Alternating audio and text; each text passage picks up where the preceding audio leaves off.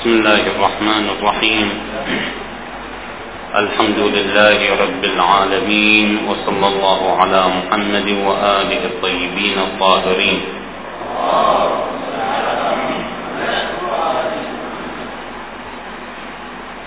ذكرنا بالأمس حركة السفياني وكيف يتحرك من بلاد الشام ويحاول دخول العراق وستصادفه معركة عظيمة تسمى بمعركة قلقيسيا وهي مأدبة, الله أو مائدة الله من لحوم الجبارين لطيور السماء. كما عبرت عنها بعض الروايات.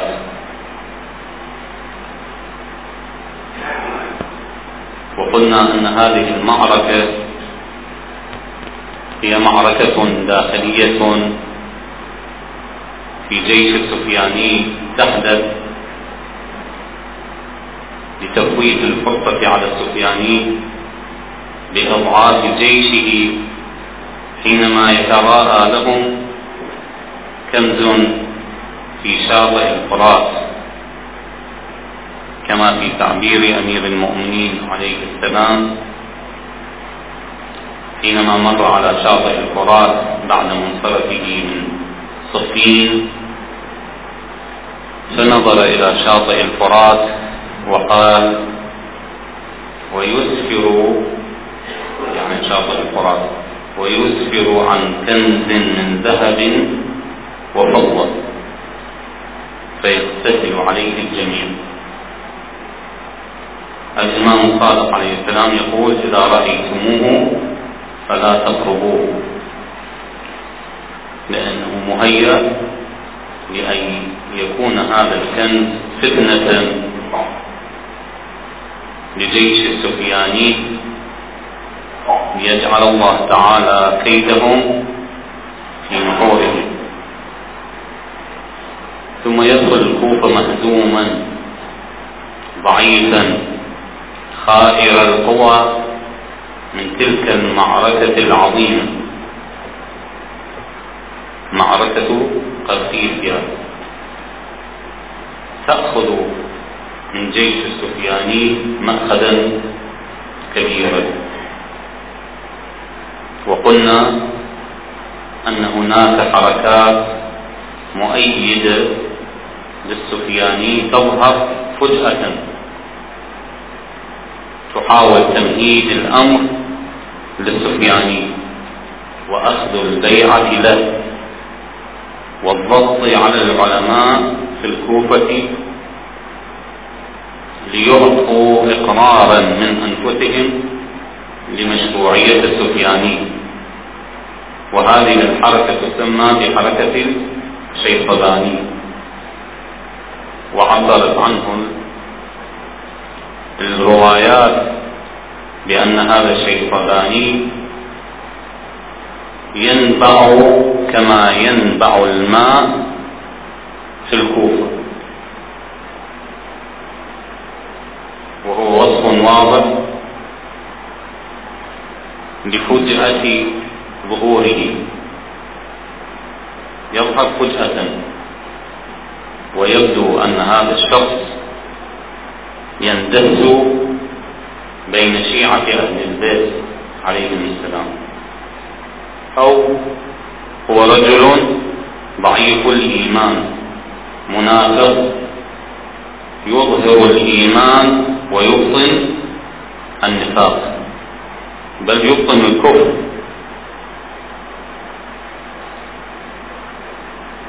اسمه الشيطاني نعم. الشيطاني ليس بهاشمي وليس بشيعي وليس بشيء آخر.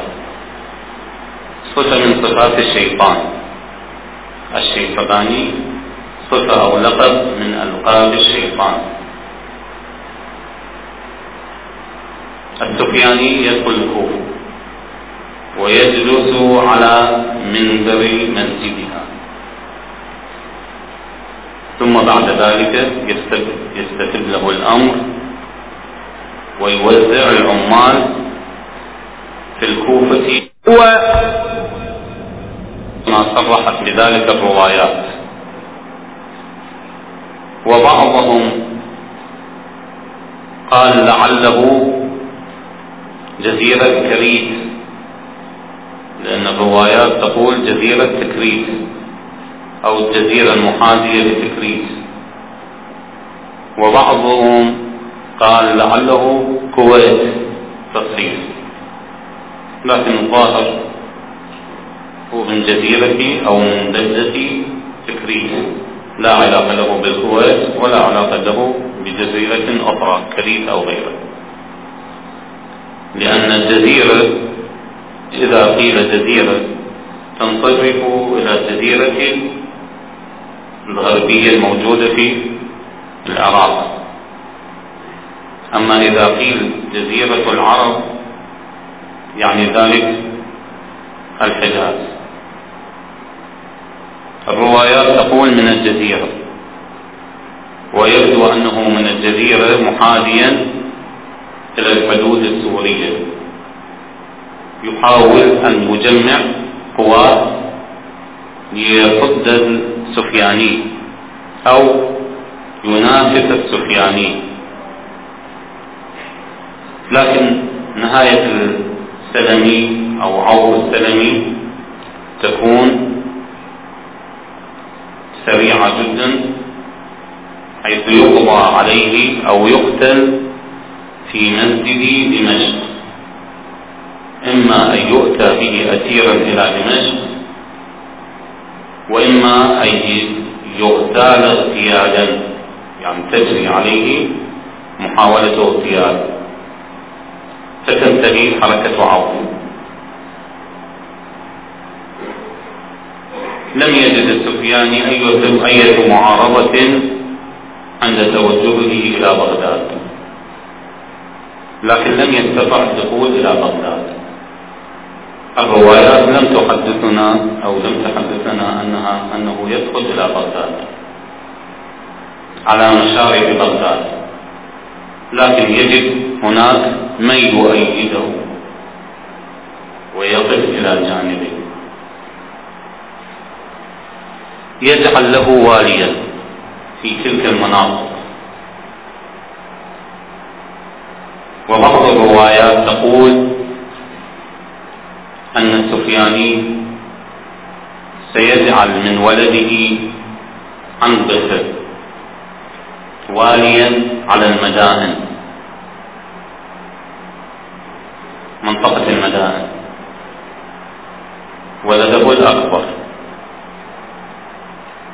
وأحد أولاده المسمى بسفيان أيضا تناط إليه مهمة إدارية وعسكرية في أحد المناطق.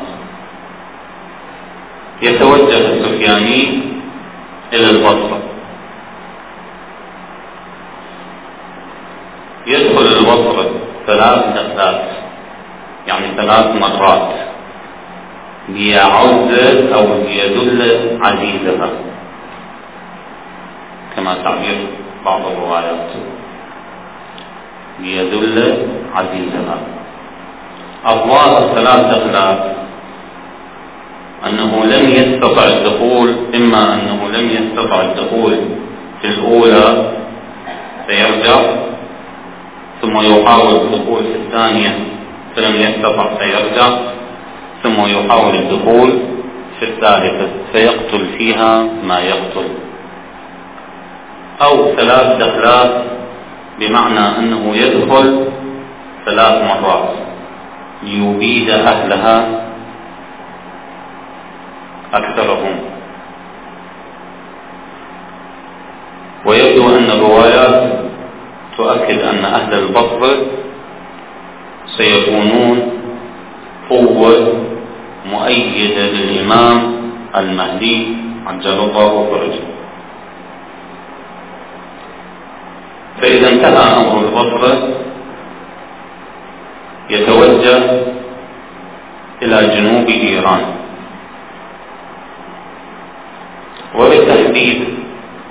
منطقة بيضاء الصخر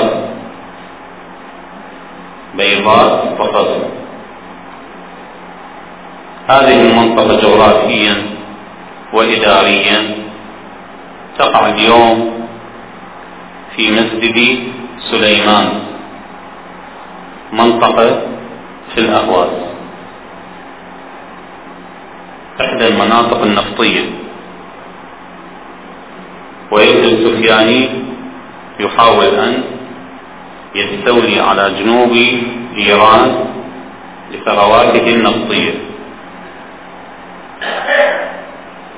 حتى أن بعضهم بعض المحللين يقول أن سبب ودوافع معركة قلقيسيا عند دخوله عند دخول السفياني إلى العراق هي منازع النفط. لكن الروايات يعني تشير إلى أن شط الفرات يسفر عن كنز من ذهب وفضة. مما يعني أن السفياني حريص على أن يستولي على منابع النفس. يستقر السفياني في جنوب إيران عندها يتحرك الخراساني فيلتحم مع السفياني في منطقة بيضاء الصقر في هذه المنطقة. فتكون عند ذلك معركة عظيمة. يقتل فيها كثير من أصحاب السفياني فيهزم هذا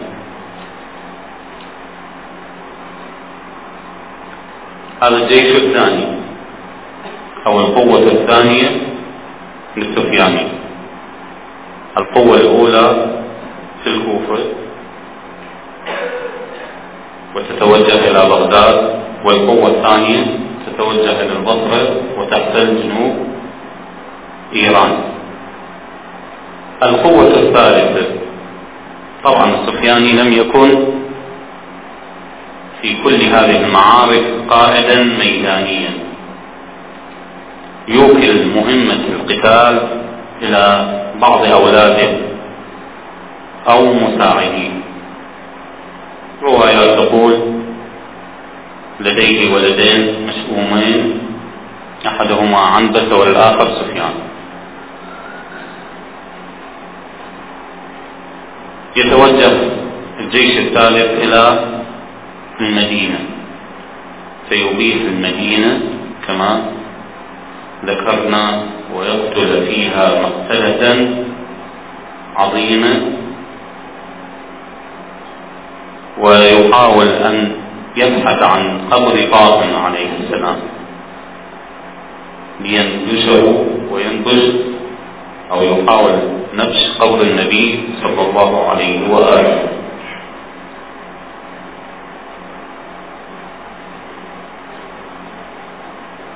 تنتهي هذه المعركة بالخسف بالبيداء كما ذكرنا وهي العلامة الثانية. العلامة الثانية الخسف في البيداء يرجع السفياني مهزوما بعد أن يقع يوقع فيه خسف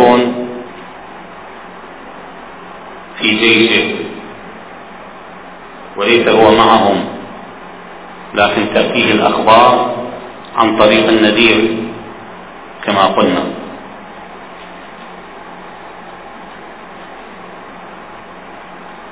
يرجع السفياني مهزوما إلى دمشق. يقيم فيها مع بعض أصحابه أو مع بعض أصحابه. في هذه الأثناء للكوفة دور.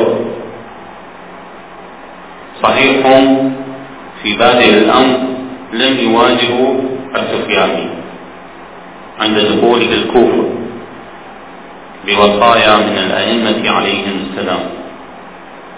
حينما يسأل أحدهم الإمام الصادق عليه السلام فيقول ماذا نفعل بالنساء والعيال؟ إذا الرجال إذا استفوا لم يتعرض لهم السفياني لم يستفر لأنه يرجع مهزوما خائفا من هذه المعركة معركة قسيسة معركة إعجاز. إعجاز. لولا هذه المعركة لم يبقي السفياني شيء أو أحد من أهل الكوفة إلا قتله. لكن الله تعالى يتدخل بإعجاز في إنهاء جيش السفياني. لكن على قلة هذا الجيش السفياني يحاول أن ينفذ خطته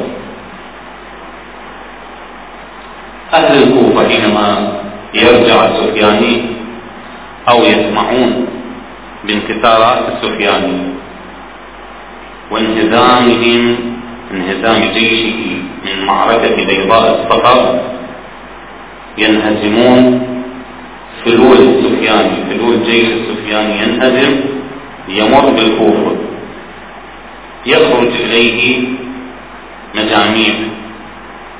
تسمى أهل الحطب فيخلصون النساء والأسارى من أيدي جيش السفياني. بعض الروايات تقول أهل العطر يحملون أسلحة خفيفة. ليست لهم إمكانية بحمل سلاح ثقيل. الروايات تقول يحملون القصد والبردين القصد والبردين فيعترضون جيش السفياني المنهزم ويخلصون ما بقي من الأسارى من أيديهم من أيدي جيش السفياني ولعل القصد والبردي إشارة إلى ضعف السلاح أو إشارة إلى ضعف جيش السفياني. أنهم يطاردونهم بعد ذلك بالقصد والبردين يذلهم الله تعالى. يرجعون منكسرين يأتي السفياني حتى ننهي قضية السفياني يأتي السفياني إلى دمشق ليقيم فيها. فيرتكب كل معصية.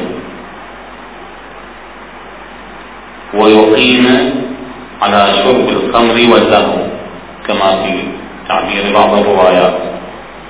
ويأمر أصحابه بذلك. يعني يتظاهر حتى بالفسق والمجون في دمشق. الإمام عليه السلام بعد أن تكتمل حركته ويكتمل. تكتمل مهمته في الكوفة ويثبت أركان ملكه بعد فترة يحاول أن يتوجه إلى البلدان الغربية يبدأ من فلسطين. تواجد اليهود. الإمام عليه السلام يحاول في هذه الأثناء أن يحل الأمور حلا سلميا تفاوضيا يتفاوض معهم. السفياني وجوده في دمشق صاحب دمشق يعني حاكم دمشق لكنه رجل ضعيف. منكسر مهزوم عليه السلام لا يريد أن يدخل بمعركة أو في معركة مع السفياني الآن. عنده أهم وهو العبور إلى الجهة الأخرى. ليأخذ البيعة من اليهود وغيرهم.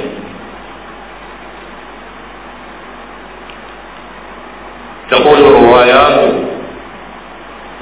حينما يخرج الإمام عليه السلام إلى دمشق أو إلى مشارق دمشق يبعث إلى السفياني ليتفاوض معه ويكلمه بأسلوب آخر. أسلوب مسالم فيقول لهم أخرجوا إلينا ابن عمنا. وهي شيء متعارف بين بني هاشم وبني أمية. يتخاطبون فيما بينهم بأولاد العم كما قلنا أولاد عمومة أبناء عمومة رغم هذا العداء والخلاف مروان بن الحكم يخاطب الإمام الحسين عليه السلام في بعض الأحيان بابن العم مطالب تقتضي ذلك. الإمام عليه السلام يريد أن يدفع شق السفياني ومشاكل السفياني يريد أن يحجم حركة السفياني يريد أن لا ينشغل بشيء ثانوي لأن السفياني منهزم مكسور لا يشكل خطرا. الإمام عليه السلام عنده مهام أعظم وأكبر. لذا يحاول أن يستوي يستوي سفيان فيقول لهم أخرجوا إلينا ابن عمنا. يخرج سفيان. يتفاوض معه الإمام. يعلن السفياني بيعته للإمام. واستسلامه له. بعض الروايات تقول موقف السفياني اولا لهزيمته. هذه البيعة. يتخذ هذه البيعة ويتخذ قرار البيعة لهزيمته اولا وثانيا لضغوط من داخل جيشه المتبقي. لأن جيشه بعد هذه الهزائم يعرفون أنه شيء تافه هذه المعارك وهذه التحركات لم تجدي نفعا. فيضغطون على السفياني بقبول هدنته أو صلحه مع الإمام عليه السلام. فيقبل السفياني ويرجع إلى أصحابه ويقول قد بايعت الإمام. بعض المقربين للسفياني وهم كلب بنو كلب وهم أخواله يبدو أنهم مسيحيون لم يسلموا. بعض الروايات أو بعض المحللين يقولون أنهم لم يسلموا هؤلاء. فيندمونه يعني يلومونه يلومون السفياني كيف قدمت بهذا الصوت؟ فيندمونه ويقولون نحن معك. ارفض هذا الصوت. فيعلن السفياني تراجعه عن ذلك. فلما يرى الإمام ذلك يضع السيف فيهم فيقتلون ويقتل السفياني كما ذكرنا أنه ينهزم. ينهزم لا يبقى معه أحد. ينهزم فيؤتى به فيعفو عنه الإمام عليه السلام بادئ الأمر ثم يقتله أحد أصحاب الإمام ويأتي برأسه إلى الإمام. ولذلك تنتهي حركة السفياني نهاية مخزية.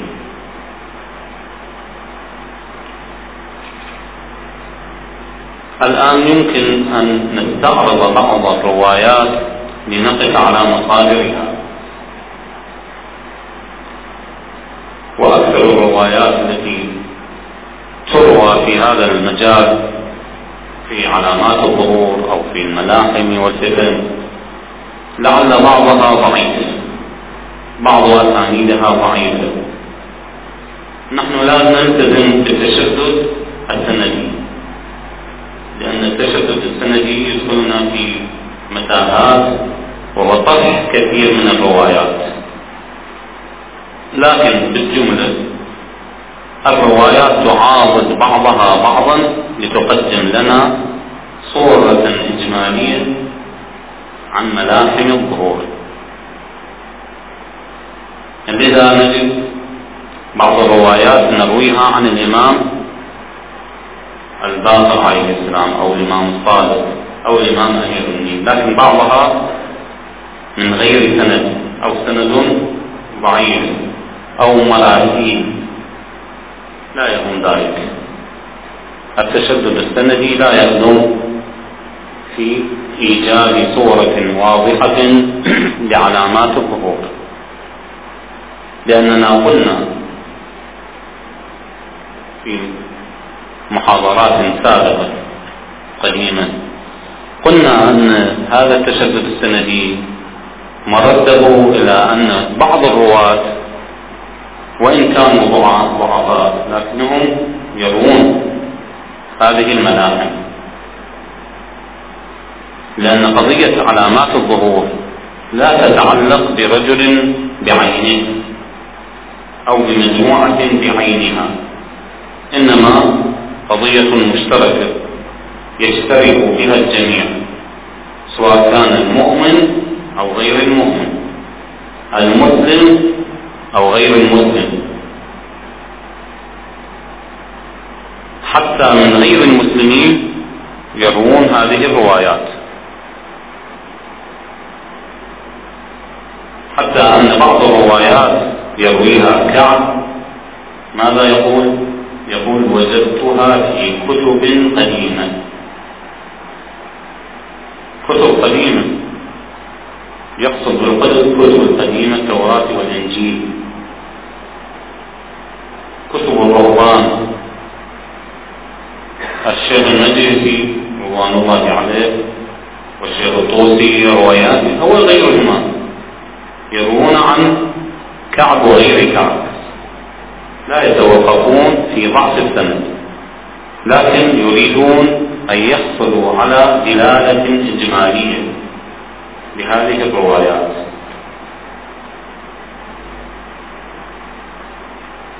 إذا لا نتوقف في ضعف هذه الروايات أو مراسيلها.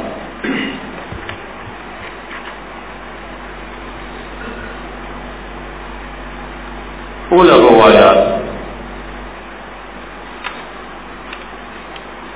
تتكلم عن خروج السفياني وظهوره.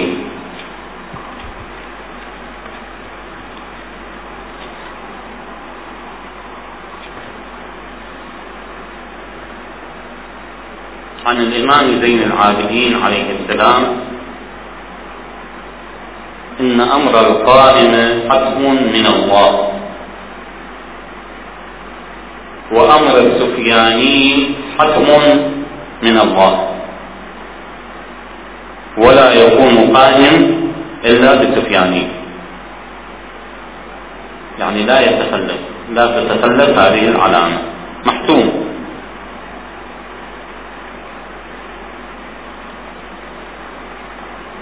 المصدر البحار الجزء الثالث وخمسين صفحة 182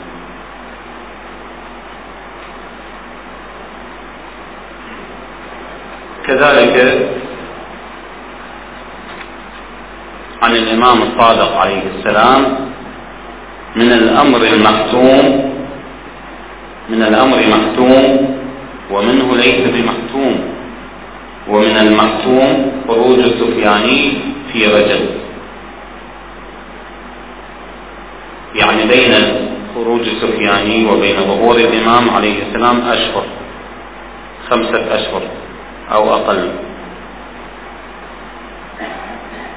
الإمام عليه السلام ظهوره في محرم.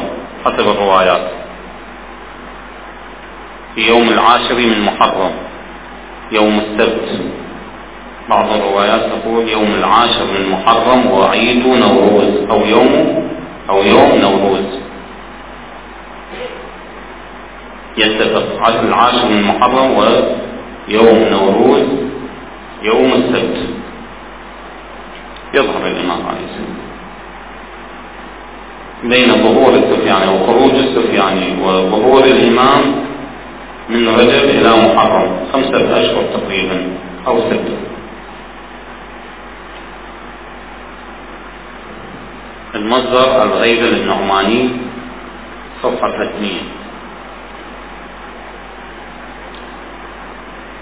اسم السفياني ونسبه. السفياني نسبة إلى أبي سفيان. اسمه خالد اسمه عثمان ابن عمدة ابن عيينة من أولاد خالد ابن يزيد ابن معاوية. نعم. نعم. دائما الأئمة عليهم السلام. يؤكدون على اسم وملامح وصفات شخصيات الظهور السلبي. الشخصيات السلبية السفياني وأمثاله. يصفونهم ويذكرون أسماءهم. في حين تجد شخصيات اليماني والخراساني وغيرهم دائما يكتنفها شيء من الغموض وهذا واضح. الأئمة عليهم السلام يحرصون على التحذير من أعدائهم. أهم عدو في ذلك اليوم هو السفياني لذا يعطيك هويته كاملة اسمه صفته طوله شكله إلى آخره. أما اليماني والخراساني فتكون هناك تعقيم على أسمائهم وشخصياتهم لبقية أيضا هم يعيشون أو سيعيشون في حال التقية.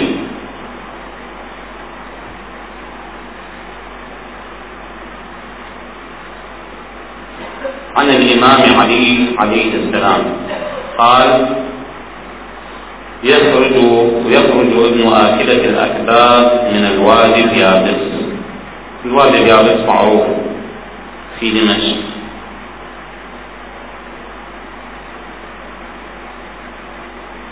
وهو رجل ربعة يعني مربوع رجل مربوع. وحش الوجه. وجهه وجه مجرم. وحش. ضخم الهامة كبير الرأس. بوجهه أثر الجدري. بوجه هذا السفياني أثر الجدري. إذا رأيته حسبته أعور وليس بأعور لكن في عينه شيء. بعض الروايات تقول نكتة يعني نقطة نقطة بيضاء. شبيه بالأعور. اسمه عثمان بن عنبسة.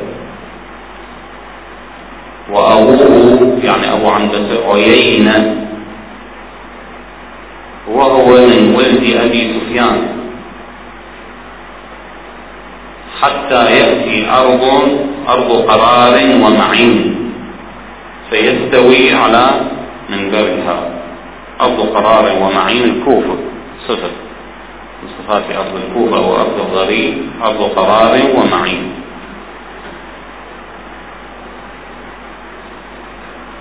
البحار جزء 52 صفحة 205 طبعا بعض الروايات تؤكد أنه ينتسب إلى خالد بن يزيد بن معاوية عن الإمام الباقر عليه السلام. السفياني أحمر أشقر أزرق. شكله أحمر شعره أشقر عيناه زرقاوتان. إما أن تكون عيناه زرقاوتان وإما أن تكون صفة. صفة غير محمودة الأزرق. دائما العرب يتشاءمون من الأزرق. حتى ينسبون. الرجال المنحرفون يصفونهم بابن الزرقاء. يعني ابن غني دائما صفة الزرقاء صفة غير محمودة عند العرب. يقولون لعمرو بن العاص ابن الزرقاء. مروان بن الحكم ابن الزرقاء.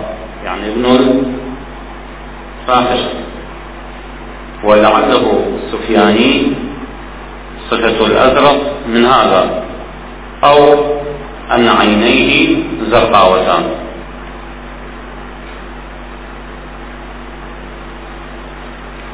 السفياني أحمر أشقر أزرق لم يعبد الله قط. يعني رجل ليس بمؤمن غير متدين. لم يعبد الله قط. ولم يرى مكة ولا المدينة. لم يرى مكة ولا المدينة. يعني لم يصل إليهما. لم يحج لم يرى مكة ولا المدينة قط. يقول يا رب ثاري والنار. ثاري والنار. كررها الإمام رجل منتقم حسوب ثائر لبني أمية. ينتقم من شيعة أهل البيت. يطلب ثأر أجداده وأسلافه يا رب ثاري والنار. حتى بعض الروايات تقول يسير ويقول ثاري والنار. فيقتل أو يدفن أم ولده حية. يعني زوجته يدفنها حية. رجل مجرم لا تأخذه رأس حتى على أهله. طبعا المصدر البحار. جزء 52 صفحة 254 نعم. وهو أصل صفة إلى أنه يتمثل بأنه من العابدين. يتهجد. صفرة الوجه ليست هي حقيقة الصفرة ولكن يحاول أن يظهر للناس بأنه متعبد. لذا إذا أريد أن يوصف شخص بكثرة العبادة يقال له وجهه أصفر من العبادة وليست هي حقيقة. نكمل بعد ذلك بإذن الله تعالى والحمد لله رب العالمين. وصلى الله على محمد وآله الطيبين الطاهرين